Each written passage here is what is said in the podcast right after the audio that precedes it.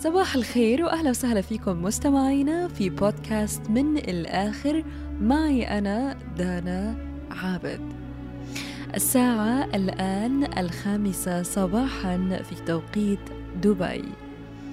يرجى من حضرات السادة المستمعين ربط أحزمة الأمان لأنه ما سيتم عرضه والحديث عنه خلال الدقائق القادمة يحتاج قوة قلب ويحتاج أيضا مواجهة صريحة مع النفس. أوكي. هلأ حندخل بالموضوع. بدي اياك تتخيل التالي. تخيل نفسك واقف قدام المراية. تذكر شكلك وكامل صفاتك. وتذكر إنه المراية ما عم بتشوف ملامحك. المراية عم بتشوف مشاعرك. شو أكتر شعور حلو فيك رح تلاحظه؟ وشو هو أكتر شعور مميز فيك رح تهتم فيه ويخليك مبتسم؟ وشو هو أكتر شعور لما تشوفه رح تقول هذا عيب من عيوبي ولازم إني أعدله. مثل بالضبط لما بنشوف حالنا بالمراية ونقول أظن أنه أنا محتاجة أهتم ببشرتي شوي وأعمل تعديلات. للأسف إحنا دائما عنا المراية اللي بنشوف فيها شكلنا من برا. ونادر جدا لما بيكون عنا مراية نشوف فيها مشاعرنا. خلي كل واحد يكون عنده هاي المراية ويحدد التالي. أين هو موقعك في الإعراب؟ ومتى كانت آخر مرة جملت شيء بحالك كنت محتاجه؟ متى آخر مرة وقفت أمام المراية أو مراية قلبك وحكيت أنا راضي تماما عن اللي بشوفه؟ متى آخر مرة استوعبت أنه مشاعرك عيوبها زادت ومحتاجة تعديل كبير if not ضخم اليوم بدي إياك توقف وتتذكر معاي التالي. بغض النظر عن الإجابات والظروف أنت جميل بكل حالاتك وعيوبك رح تتعدل. مواقف ظروف أشخاص الزمن رح يعدلها.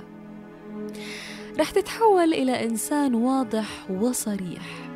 إنسان بسيط. بسيط لأنك غير متكلف. ولكن رح تكون إنسان يسعى أن يكون مقتنع بكل أفعاله. ومن بعدها رح تهاجم. لأنه في ناس كتير ما رح تحب التغيير اللي حيصير فيك. وبدهم إياك تكون النسخة اللي تعودوا عليها. وغالبا ما بتكون النسخة اللي تعودوا عليها هي النسخة الأضعف اللي سمحت لهم بالاستغلال والابتزاز. ولكن إياك والاستسلام بأن تتغير. شوف أنا صورت لك الموضوع كله على أساس إنه مراية. لأنه بدي إياك تستوعب شيء واحد. إحنا ناس بنهمل فعليا موضوع الصحة النفسية لأنه مشغولين بالصورة الخارجية. الصورة اللي كل العالم بتشوفها وبتصدقها ومعظم الأحيان بتكون صورة وهمية. وبنهمل كتير اللي desperately إحنا محتاجينه خليني ارجع لموضوع الأسئلة النفسية غمض عيونك وجاوبني آخر شعور نفسك تحسه شو كان؟ ومتى آخر مرة اشتغلت على إنك تعيشه؟ متى آخر مرة عشته؟ أكثر شعور يوميا نفسك تعيشه. شو هو؟ استقرار أمان فرحة أو هدوء. كم هو سعيك للحصول على هذا الشعور؟ وهل أنت مستعد أن تتخلى عن عادات بتهلك صحتك النفسية. مثل السعي وراء إرضاء الناس ترفض بدل ما ترضى تراقب ناس مش من حقك تراقبهم النم والحكي واللوم الذاتي تعيد حوارات قديمة وتفكر بإجابات جديدة. المقارنة بالدخل أو بالشكل أو بالعلاقات الاجتماعية. وصلت الفكرة؟ تمام. خليني أحكي لكم أنا عن آخر مرة وقفت فيها قدام مرايتي وشفت مشاعري شو لقيت. لقيت إنه برغم برنامجي وحديثي معكم ألا أنه في حياتي الشخصية لقيت أنه أنا ساكتة زيادة عن اللزوم. وطيبة أحيانا إلى درجة الغباء. لقيت أنه بسبب طيب طيبتي أو الطيبة أوهمت كتير ناس أني أنا مع الأسف هبلة وما بفهم. وهذا كله في الماضي. لقيت إني أنا كنت آجي كتير على حساب نفسي. ولقيت إني صح لازلت كريمة ولكن هذا الكرم مع الأسف رجع لي بمشاكل وانتقادات وحكي بسم البدن. حكي هد حيلي. للأسف الواحد لما بيشتغل وبيسوي وبيتعب وبيحط وبيبني بيتوقع أنه رح يوصل لمكانة كبيرة بحياة هذا الشخص اللي هو مرغوب فيه. أو أي نو رح تحكولي طب ما أنت بتحكي نصائح كيف توقعي بالفخ. أنا ما وصلت إلى هذه القناعة إلا من بعد كم فخ. أنا اليوم أتحدث عن أو مع قلبي القديم. واكتشفت أنه يوجد هناك الكثير والكثير من الأشخاص في العالم لا يزالون عالقون بمثل قلبي القديم. والسبب اللي خلاني أحكي قلبي القديم هو عملية الهدم اللي أجريتها عليه من سنتين بالضبط. بسبب علاقة غيرتني وأنا ممتنة جدا برغم فشلها. لأنه مش بس غيرتني غيرت كل مفاهيم حياتي. اضطريت بعدها أهدم وآخذ بريك ثم أعيد الهدم حتى أبني بناء صلب غير قابل للكسر. وأنا بنصحكم وبشدة بهذا الدمار والإعمار. أنا اليوم ما زال طبعا قلبي بيشعر وبيحن وبشتاق. بس البناء الجديد زرعت فيه سنسر في كل مرة بحس بالضعف برجع على نفس المراية. وبحكي لها مقولة سمعتها كتير رائعة. It humbled me. خلتني أحس بسخافة الدنيا. وقديش إحنا ناس سطحيين. لذلك رح أحكيها اليوم.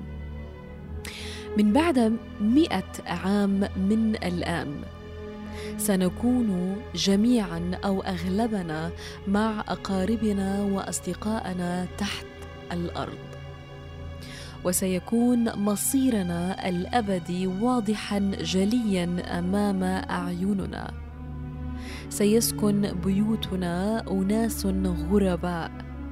سيؤدي أعمالنا ويمتلك أملاكنا أشخاص آخرون. لن يتذكروا شيئا عنا. فمن فينا يخطر أبو جده على جده على باله الآن. سنكون مجرد سطر في ذاكرة بعض الناس. أسماءنا وأشكالنا سيطويها النسيان. فلماذا نطيل التفكير بنظرة الناس إلينا؟ وبمستقبل بيوتنا وأملاكنا وأهلنا. كل هذا ليس له جدوى وقيمة بعد مئة عام. إن وجودنا ليس سوى ومضه في عمر الكون. ستطوى وتنقضي في طرفة عين وسيأتي بعدنا عشرات الأجيال. كل جيل يودع الدنيا على عجل ويسلم الرايه للجيل التالي قبل أن يحقق ربع أحلامه. فلنعرف اذا حجمنا الحقيقي في هذه الدنيا وزمننا الحقيقي في هذا الكون فهو أصغر بكثير مما نتصور.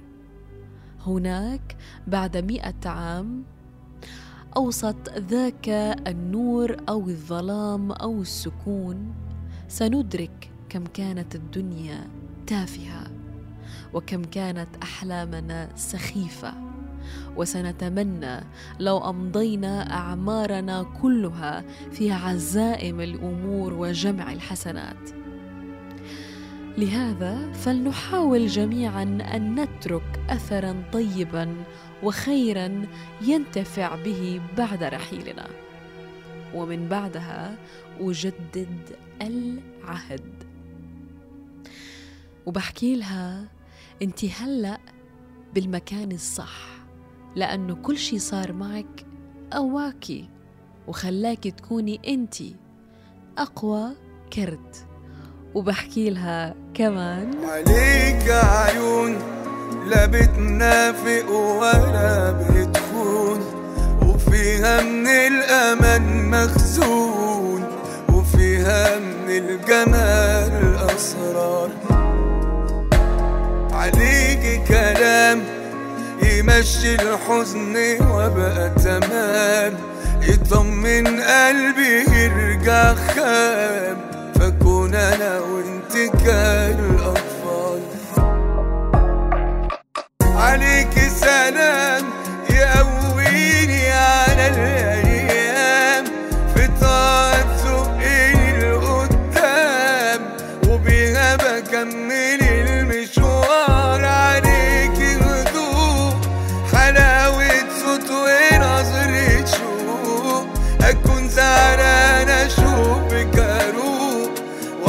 براحة.